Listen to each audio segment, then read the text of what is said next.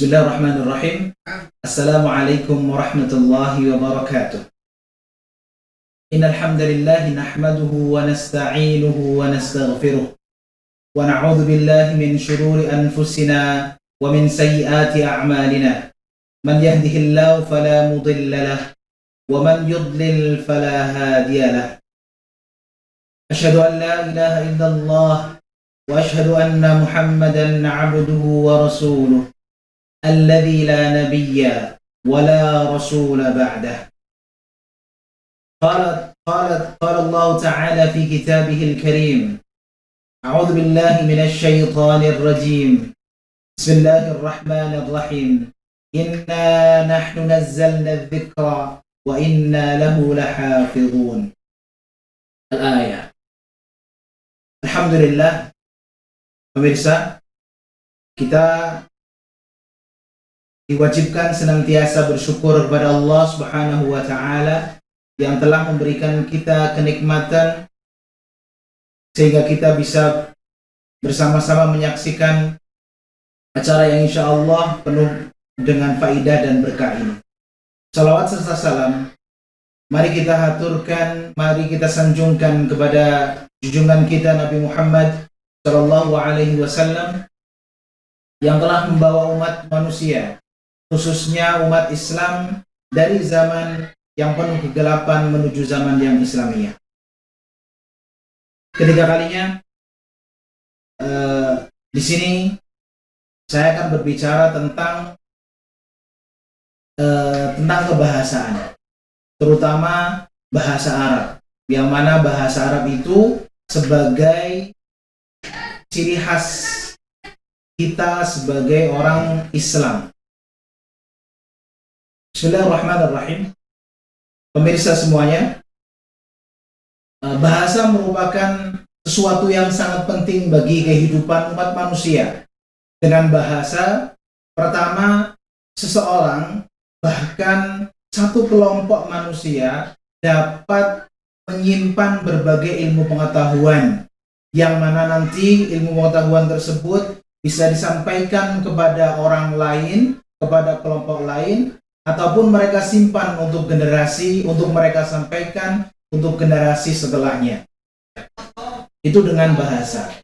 Kemudian dengan bahasa tersebut, ini bahasa apa pun.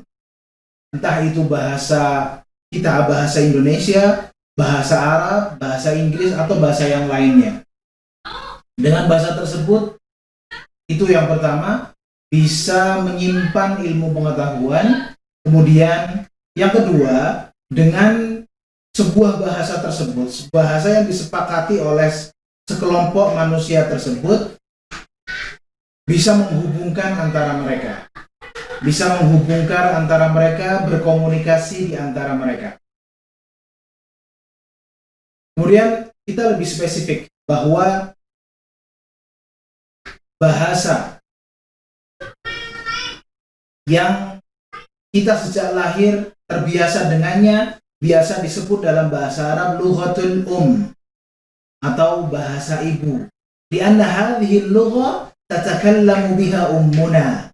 Karena bahasa ini adalah bahasa yang dipakai oleh ibu-ibu kita. Adalah bahasa yang pertama kali kita dengar. Adalah bahasa yang pertama kali ibu kita sebagai orang yang paling dekat dengan kita sebagai orang yang paling mengerti kita, sebagai orang yang paling pertama mengajarkan sesuatu kepada kita, bahasa tersebutlah yang disampaikan oleh seorang ibu kepada kita sebagai anaknya.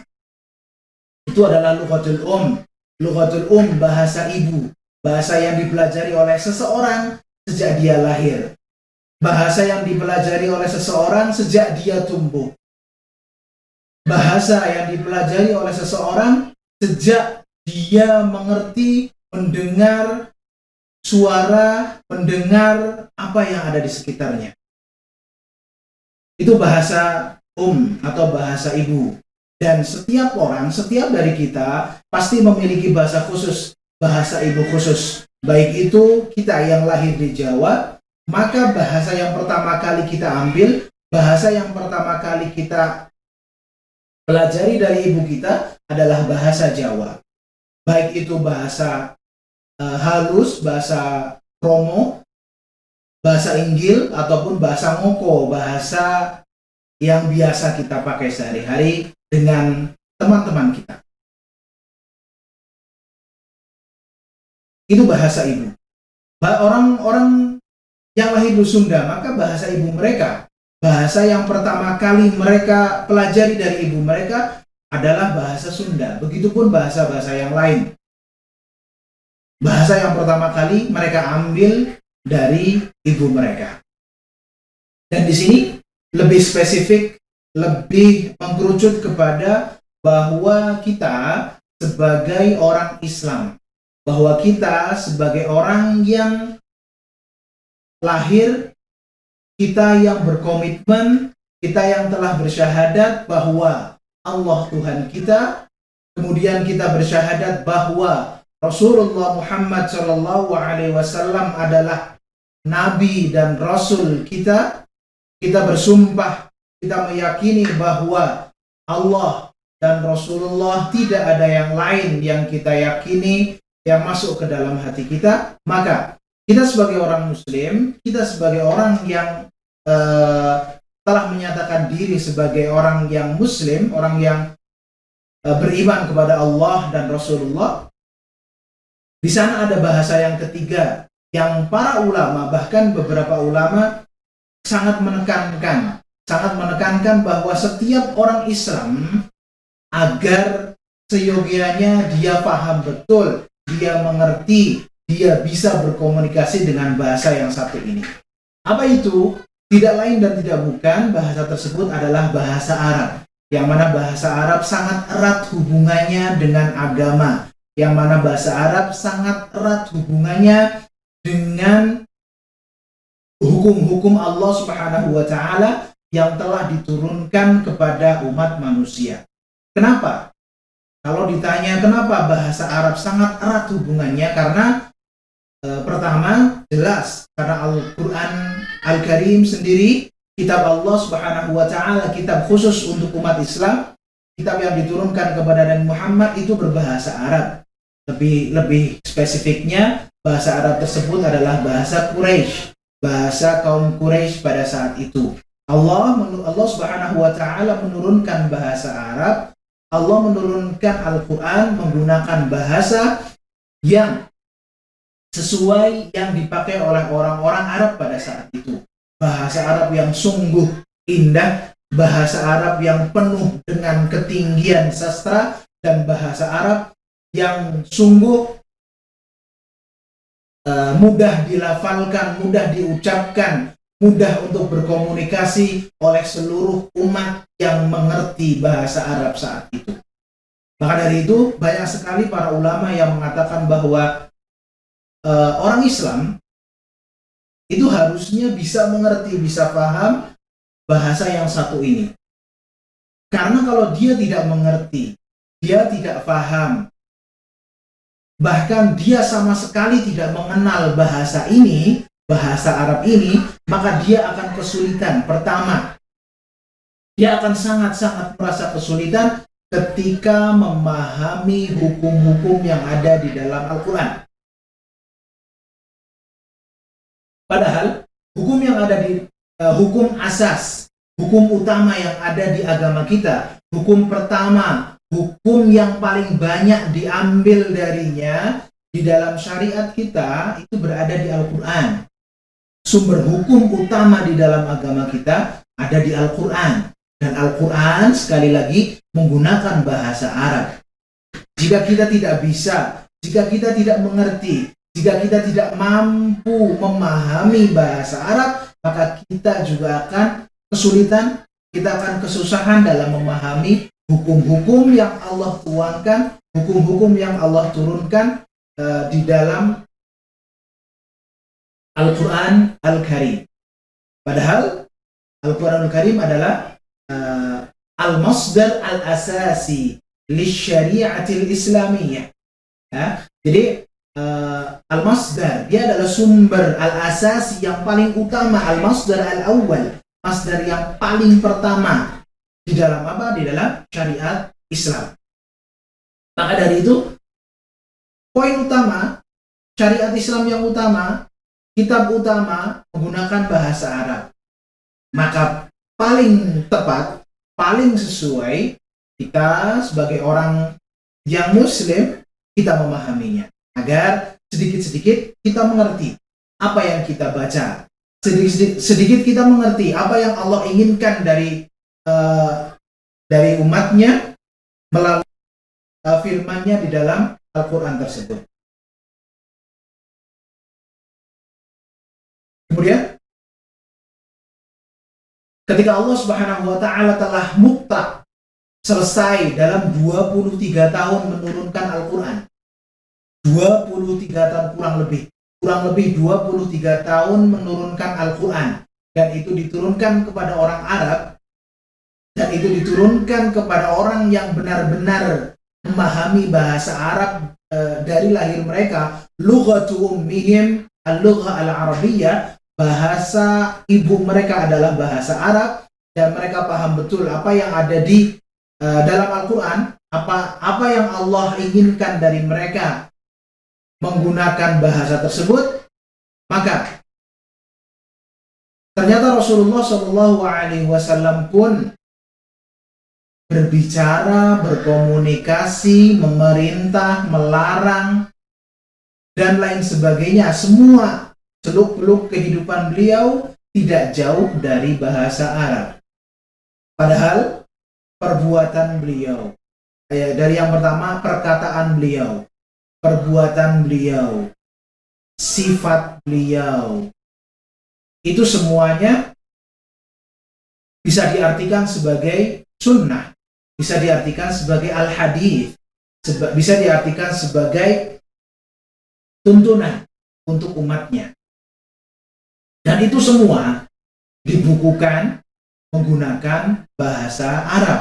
Dibukukan di tulisan-tulisan para ulama kita menggunakan bahasa Arab dan bahasa Arab itu bahasa Arab yang sesuai, bahasa Arab yang benar sesuai dengan uh, apa yang dituangkan oleh Rasulullah, apa yang diucapkan oleh Rasulullah, dan apa yang dimaksudkan oleh Rasulullah di dalam hadis-hadis beliau.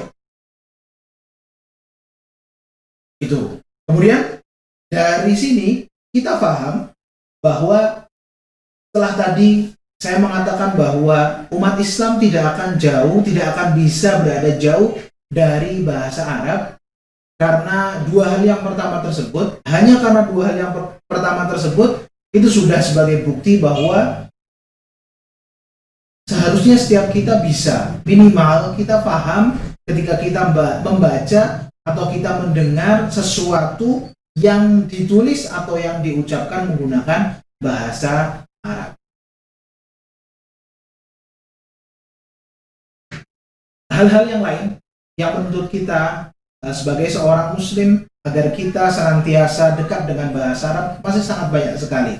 Namun dengan dua hal tadi saja sudah sangat e, memotivasi kita, sudah sangat memberikan kita e, perasaan yang sangat menyesal kalau kita tidak bersinggungan, kita tidak mampu membaca, menulis, memahami bahasa yang satu ini.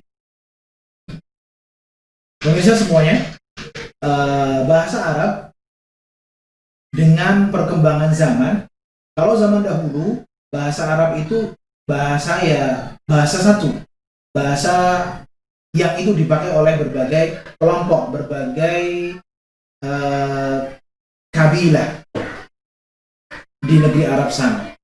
Ya, walaupun mereka memiliki beberapa lahjah atau beberapa dialek yang berbeda dari satu suku ke suku yang lain. Namun Eh, perbedaan itu tidaklah banyak, perbedaan itu tidaklah uh, terlalu menonjol ketika mereka berkomunikasi satu dengan yang lain. Ketika satu kelompok, ketika satu kabilah uh, berkomunikasi dengan kabilah yang lain, mereka masih nyambung, mereka masih dapat memahami uh, apa yang orang lain ucapkan tersebut, apa maksud dari uh, orang dari kabilah lain tersebut. Namun berjalannya waktu, ketika umat Islam sudah dai-dai Islam sudah membawa agama ini ke berbagai penjuru dunia. Dai-dai Islam sudah menyebarkan syariat Islam ke berbagai penjuru dunia. Mereka bertemu dengan berbagai macam orang yang memiliki berbagai macam bahasa. Bahasa berbeda-beda dan beberapa dari mereka benar-benar kesusahan untuk mengucapkan bahasa Arab sesuai dengan aslinya. Bahkan beberapa dari mereka sama sekali tidak mampu untuk mengucapkan kata-kata tersebut pas atau sesuai dengan orang yang orang Arab katakan. Maka dari itu dari beberapa mereka mengucapkan bahasa Arab namun dengan gaya bahasa mereka, dengan ucapan yang mereka mampu. Ya, ada beberapa mereka yang tidak fasih bahkan tidak bisa membedakan antara vo dengan bo misalnya. Ya, misalnya seperti itu. Atau e, beberapa mereka tidak mampu membedakan antara sa suara sa dengan suara sha karena memang di bahasa mereka tidak ada tidak ada uh, huruf tersebut tidak ada perbedaan dalam huruf tersebut. Kebetulan di dalam bahasa Indonesia pun itu tidak ada perbedaan antara huruf sa dan huruf sya, gitu ya. Kalau kita lihat, kita perhatikan kembali, kita tidak akan menemukan perbedaan antara huruf s dan sh dalam bahasa Indonesia. Karena memang dalam bahasa Indonesia, kalau kita mengucapkan s itu hanya ya satu saja, s, saya.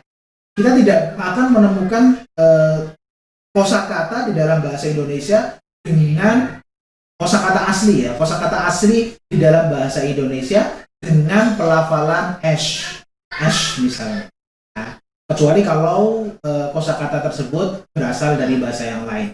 Karena ada beberapa orang yang memang tidak mampu untuk mengucapkan kata-kata tersebut bahkan tidak mampu untuk mengucapkan beberapa huruf di dalam bahasa Arab sesuai dengan uh, asalnya sesuai dengan tuntunannya, maka beberapa orang di Arab sana uh, menyesuaikan diri dengan mereka, menyesuaikan diri dengan orang-orang non Arab tersebut. Ya, maka lahirlah di kalangan akhir-akhir uh, di kalangan akhir-akhir ada uh, dua minimal dua macam gaya bahasa Arab. Yang pertama jelas bahasa Arab yang murni, bahasa Arab yang sesuai dengan kaidah atau rumusan sejak zaman dahulu sampai sekarang. Itu dikatakan atau disebut bahasa Arab fusha. Ya, ini bahasa Arab fusha, bahasa Arab yang dipakai di kitab-kitab, bahasa Arab yang eh, gaya bahasanya digunakan oleh para ulama ketika menulis eh, kitab-kitab mereka. Kemudian yang kedua, ada bahasa Arab namun sudah tidak memperhatikan aturan-aturan atau kaidah-kaidah rumusan-rumusan di dalam kebahasaan. Ya, ini dikarenakan tadi bercampurnya orang Arab dengan non Arab. Ya, bercampurnya orang Arab dengan non Arab, mereka yang tidak bisa melafalkan bahasa Arab secara benar, mereka yang bahkan tidak bisa memproduksi huruf Arab sesuai dengan uh, kaidah pengucapan di dalam bahasa Arab. Nah, bahasa yang kedua ini bahasa Arab yang tanpa rumusan, bahasa Arab yang tidak memperhatikan kaidah-kaidah e, kebahasaan ini dinamakan bahasa amiyah. Kalau tadi bahasa yang masih murni, bahasa yang masih sesuai dengan kaidah yang sangat memperhatikan rumusan-rumusan kebahasaan itu namanya bahasa fusha. Kemudian yang kedua, bahasa yang sudah tidak lagi e, memperhatikan rumusan-rumusan tersebut dinamakan bahasa amiyah. Bahasa fusha biasanya dipakai oleh e, mereka e, ketika agenda-agenda resmi, agenda-agenda kenegaraan, berita-berita nasional, atau dan lain sebagainya. Nah, ini menggunakan bahasa menggunakan bahasa fusha, bahasa yang diterima hampir seluruh orang Arab. Ya. Jadi bahasa fusha ini hampir dapat diterima oleh semua kalangan orang Arab. Jadi ketika kita berbicara, ketika kita berkomunikasi dengan orang Arab menggunakan bahasa fusha, baik di negara mana pun kita bisa berkomunikasi dengan mereka dan mereka mampu memahami. Karena bahasa ini satu, ya. Bahasa ini satu dari timur ujung timur barat, ujung Afan, ujung timur Arab sampai ujung barat Arab semuanya sama. Ya. Bahasanya sama menggunakan bahasa Fusha ini. Namun yang kedua bahasa Amiyah atau lebih e, beberapa orang mengatakan bahasa ini adalah bahasa Mahaliyah, bahasa Arab yang dipakai oleh beberapa kelompok saja. Dan itu pun dari satu kelompok ke kelompok yang lain itu penggunaannya beda. Apalagi dari satu negara ke negara yang lain. Nah, misalnya bahasa uh, Ami ya di negara Saudi Arabia misalnya itu akan sangat berbeda dengan bahasa Amiyah di negara Mesir. Itu akan sangat berbeda. Bahkan beberapa kata beberapa ungkapan di bahasa Amia e, ketika sudah lintas negara seperti itu itu sudah tidak paham satu dengan yang lain sudah tidak bisa saling berkomunikasi tidak bisa memahami nah, jadi e, kita sudah mengetahui bahwa bahasa Arab berkembangnya zaman itu ada dua minimal dibagi menjadi dua yang pertama bahasa yang masih memperhatikan kaidah rumusan-rumusan kebahasaan yaitu bahasa fusha. Kemudian yang kedua, bahasa yang sudah tidak lagi peduli, sudah tidak lagi e, memperhatikan kaidah-kaidah kebahasaan, yaitu bahasa amiyah. Ya, bah, kalau istilah kita bahasa pasaran. Nah, bahasa pasaran. Ketika saya ditanya, Ustadz, Ustadz, kita kalau ingin belajar bahasa Arab, itu belajar yang mana? Pasti. Saya mengatakan dengan pasti bahwa bahasa yang kita pakai, bahasa yang harus kita pelajari adalah bahasa Arab yang bahasa Arab yang fusha. Bahasa Arab yang dapat diterima hampir semua kalangan orang Arab. Dan ini e, mudah difahami, mudah diucapkan dan hampir kita tidak jauh-jauh setiap harinya sudah bersinggungan langsung dengan e, bahasa pusat tersebut. Kalau kita memaksakan diri untuk belajar bahasa bahasa pasaran, itu mungkin ada manfaatnya ada. Namun manfaatnya tidak sebesar ketika kita belajar bahasa uh, fusha. pada bernama Fabrio dan Daniel Rizky sekali. Fabrio dan Daniel Rizky sekali.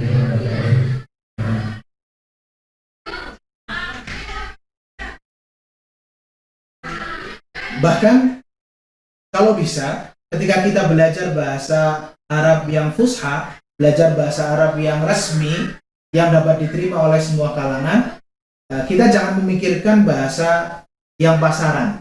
Kita jangan memikirkan bagaimana cara mengucap, bagaimana cara belajar, bagaimana cara berkomunikasi dengan bahasa pasaran. Ya, karena dari dialeknya pun, dari cara mengucapnya pun itu sudah sangat berbeda. Ditakutkan kalau kita terlalu memikirkan bahasa bahasa pasaran, bahasa amiyah, itu akan berpengaruh kepada bahasa fusha kita itu akan berpengaruh pada bahasa uh, resmi kita. Nah, karena bagaimanapun ketika kita uh, belajar suatu hal, kita mau fokus kepada hal tersebut, kita sisi kita singkirkan atau kita sisihkan dulu hal-hal yang lain. Nah, kita fokus kepada kita fokus kepada uh, belajar satu hal tersebut. Maka dari itu, kalau bisa bahkan jangan bersinggungan dengan bahasa yang amiyah, bahasa yang eh, bahkan hanya diterima di beberapa kalangan saja ya tidak diterima oleh seluruh orang tidak diterima oleh seluruh orang Arab. Namun eh, akhir-akhir ini ada satu fenomena yang eh, itu mungkin terjadi di hampir semua orang, di hampir di terjadi di semua orang yang memiliki bahasa resmi dan bahasa yang tidak resmi. Mereka orang-orang Arab sekarang ketika ngobrol, ketika menulis, ketika eh, berkomunikasi dengan sesama mereka di kehidupan sehari-hari, mereka tidak mereka tidak menggunakan bahasa fusha, mereka tidak menggunakan bahasa resmi ketika ngobrol santai. Mereka tidak bisa, mereka tidak terbiasa untuk menggunakan bahasa yang baku ketika mereka ngobrol santai. Namun mereka lebih condong menggunakan bahasa yang kami ya, bahasa yang eh, tidak resmi untuk ngobrol, untuk ngobrol sehari-hari dengan eh, teman-teman mereka. Ini bahasa Arab.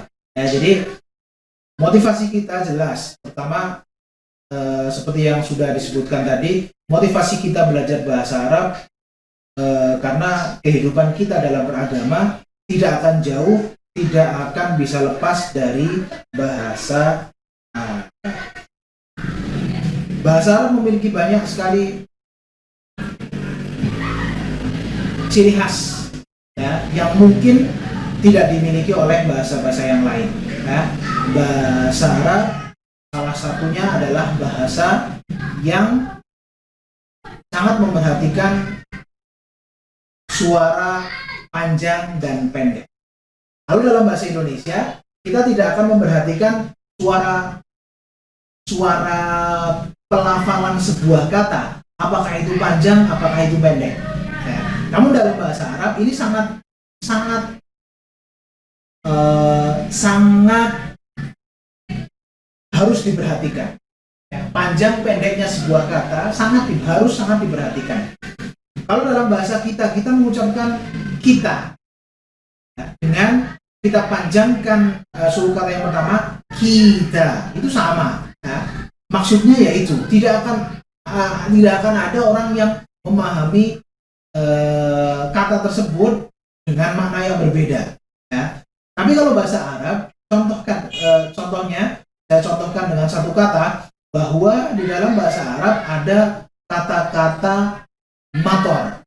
Ya, mator. Kalau pendek semua, mator. Itu artinya hujan. Tapi kalau ada yang panjang di sana, mator. Mator. Gitu ya. Yang panjang yang kedua, mator. Itu artinya sudah bandara. Kalau tadi yang pertama matar, pendek semua itu artinya adalah hujan. Maka yang kedua ketika kita motor itu artinya bandara. Dan ketika kita panjangkan semua motor. Nah, itu artinya beda lagi ya. Motor artinya hujan, motor artinya eh, bandara, motor itu artinya sesuatu yang terbang, gitu ya. Nah, dari sini saja kita sudah eh, bisa memahami bahwa bahasa Arab sangat memperhatikan panjang pendek sebuah kata, panjang pendek suara dari sebuah kata. Makanya ketika kita melafalkan bahasa Arab, jangan sampai kita ketukar. Jangan sampai kita tidak memperhatikan suara panjang ataupun suara pendek dari dari kata-kata tersebut. Kalau bahasa Indonesia tidak masalah. Kalau bahasa Indonesia tidak ada masalah ya. Tapi kalau bahasa Arab jangan berani-berani untuk mengucapkan sebuah kata. Ini bukan kalimat lengkap ya, ini bahkan kata saja. Sebuah kata tanpa memperhatikan panjang dan pendek. Nah, ini ciri khas yang pertama. Ciri khas dari bahasa Arab yang sangat memperhatikan suara panjang dan pendek. Kemudian dalam bahasa Arab, ketika kita ber- e, mengucapkan kata dalam bahasa Arab, itu ciri khas yang kedua dalam bahasa Arab adalah al-fasahah. Ya, di sana ada e, kefasihan, kejelasan dalam pengucapannya. Kalau tadi jelas dalam panjang pendek, dalam e, panjang pendek memanjangkan dan memendekkan suara. ketika mengucapkan sebuah kata bahkan ini bukan kalimat ya sebuah kata dalam bahasa Arab maka yang kedua mengucapkan bahasa Arab harus jelas. Harus jelas. Antara satu huruf dengan huruf yang lain harus ada perbedaannya. Betul. Ketika kita eh, mengucapkan atau belajar mengucap dalam bahasa Arab ada di sana ilmu yang namanya atau materi yang namanya al-aswat wa fahmul masmu' apa? Al-aswad wa fahmul masmu' Ini materi ini biasanya kita belajar pertama kaifa nantiq bi al-huruf al-hijaiyah. Biasanya uh, di sana dilatih bagaimana kita mengucapkan, bagaimana kita memproduksi suara di dalam huruf hijaiyah. Kita harus bisa membedakan antara satu huruf dan huruf yang lain kita membedakan satu huruf dengan huruf yang lain. Memang tidak tidak sesusah, tidak sesulit ketika kita tahsin Al-Quran. Ya. Kalau tahsin Al-Quran itu harus benar-benar sesuai dengan kaidah yang benar. Tapi kalau mengucapkan huruf hijaiyah ketika materi al-aswat wa fahmul masmu' ketika memulai untuk mengucap huruf hijaiyah dalam pembelajaran bahasa Arab, saya rasa tidak sesusah itu. Ya, lebih lunak. Yang penting kita mampu untuk membedakan antara satu huruf dengan huruf yang lain. Ya. Yang paling jelas adalah huruf yang uh, diucapkan tanpa titik dengan huruf yang diucapkan dengan titik misalnya. Ya, antara huruf sa dengan huruf syak misalnya ya huruf sin dengan huruf shin misalnya ya banyak sekali ketika kita uh, salah memproduksi suara, sin dirubah menjadi shin atau shin berubah menjadi sin, ya, itu artinya sangat jauh berbeda. Artinya bahkan eh, yang maksudnya baik menjadi buruk, gitu ya. Oke. Saya contohkan ketika eh, kita membuka suatu acara, kita biasanya mengucapkan dengan na'udzubillahi min syururi anfusina ya na'udzu billahi min syururi anfusina. Syurur itu adalah bentuk plural atau bentuk jamak dari syar ya. jadi kami berlindung dari syurur anfusina ya. Jiwa-jiwa yang buruk, ya. Keinginan-keinginan yang buruk, surur, pakai shin. Tapi kalau kita menggantinya dengan sin, huruf sin, na'udzubillahi min sururi anfusina. Pakai sin itu artinya sudah sangat jauh ya. Artinya sudah sangat jauh. Bahkan surur itu artinya perasaan gembira ya. Surur artinya perasaan gembira. Kalau syurur yang tadi diucapkan pertama uh, itu adalah keburukan-keburukan. Kalau kita mengganti berarti kita berlindung dari kebahagiaan jiwa-jiwa kami, gitu ya. Jadi artinya bukannya kita berlindung dari sesuatu yang buruk, justru kita berlindung dari sesuatu yang baik. Ya. Kemudian di dalam Al-Quran, contoh yang lain, di dalam Al-Quran ada qawlan sadida ya qawlan sadida di uh, salah satu ayat ada qawlan sadida seperti itu ya. hurufnya sin sadida gitu ya ketika uh, beberapa orang membacanya mungkin dengan terlalu semangat maka mengucapkan kata-kata tersebut mengucapkan kata yang terakhir di sadida ini menggunakan uh, bukan huruf sin tapi menggunakan huruf shin ya yang harusnya mereka diperintahkan untuk mengucapkan qaulan sadida. Uh, perkataan yang baik perkataan yang benar perkataan yang lurus. Kalau diganti menggunakan syadida qaulan syadida itu artinya kebalikannya. Mereka diperintahkan untuk berucap. Mereka diperintahkan untuk berkata-kata dengan kata-kata yang syadid, kata-kata yang kasar, kata-kata yang tidak halus.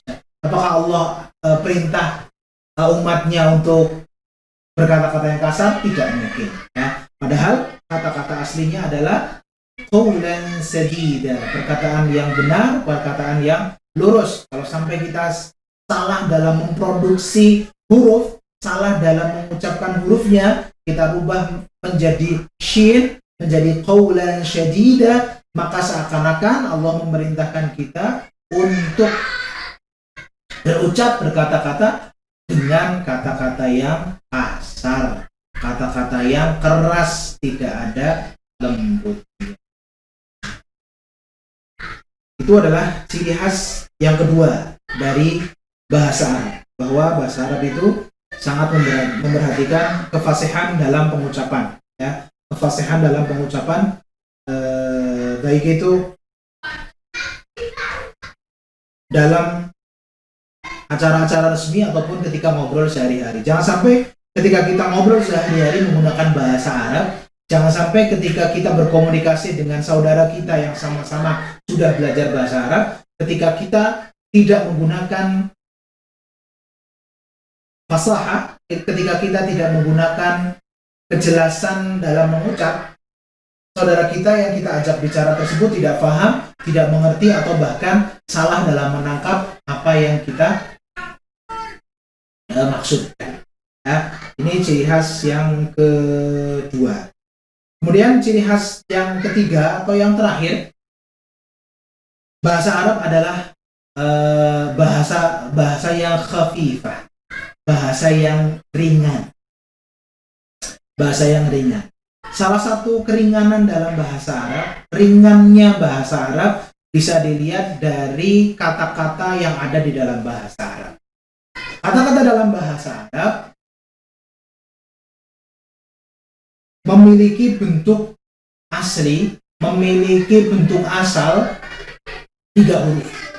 Rata-rata kata-kata dalam bahasa Arab memiliki bentuk asli tiga huruf. Kayak yang namanya kalau istilah uh, sorofnya itu sulasi. Ya terdiri dari tiga huruf. Hampir banyak hal yang itu eh, ketika kita telusuri memiliki memiliki asal kata itu tiga huruf. Ya, contohnya eh, kata-kata istighfar, gitu ya. Itu kan hurufnya banyak. Istighfar. Kalau kita hitung itu hurufnya banyak. Tapi ternyata eh, asal kata dari istighfar tersebut ya hanya tiga huruf, yaitu gha, fa, ra. Ya. Gha, fa, ra. Itu juga misalnya ada kata-kata mudarris. Mudarris gitu ya. Eh, guru artinya ya, mudarris. Maka kata-kata mudarris tersebut itu adalah kata-kata yang asalnya itu juga dari tiga huruf saja, yaitu da, ro, sa, ya. Dan perkembangannya menjadi kata mudarris dan lain sebagainya. Contohnya masih banyak sekali eh, dari kata-kata yang ada dalam bahasa Arab dan kebanyakan dari kata-kata tersebut asal asal katanya itu berasal dari tiga kata. Mudah-mudahan ini adalah hal-hal yang meningkatkan keinginan kita untuk belajar bahasa Arab, ya. meningkatkan kesemangatan kita untuk senantiasa dekat dengan bahasa yang satu ini. Ya. Karena Umar bin Khattab radhiyallahu anhu, khalifah umat Islam yang kedua, telah berpesan sangat mengagungkan bahasa Arab, ta'allamu al-arabiyyah. Belajarlah kalian bahasa Arab. Fa innaha min dinikum. Karena sesungguhnya bahasa Arab termasuk dari agama kalian. Ini pesan atau nasihat yang diberikan oleh uh, Khalifah umat Islam yang kedua yaitu Umar ibnu Al-Khattab. Mudah-mudahan apa yang saya sampaikan ada manfaatnya. Yang benar datang dari Allah dan yang salah datang dari saya sendiri. Mohon maaf atas banyak khilaf, banyak salah. Nun wal qalami wa ma yasturun. Subhanakallahumma bihamdika asyhadu an la ilaha illa anta astaghfiruka wa atubu ilaik. Assalamualaikum warahmatullahi wabarakatuh.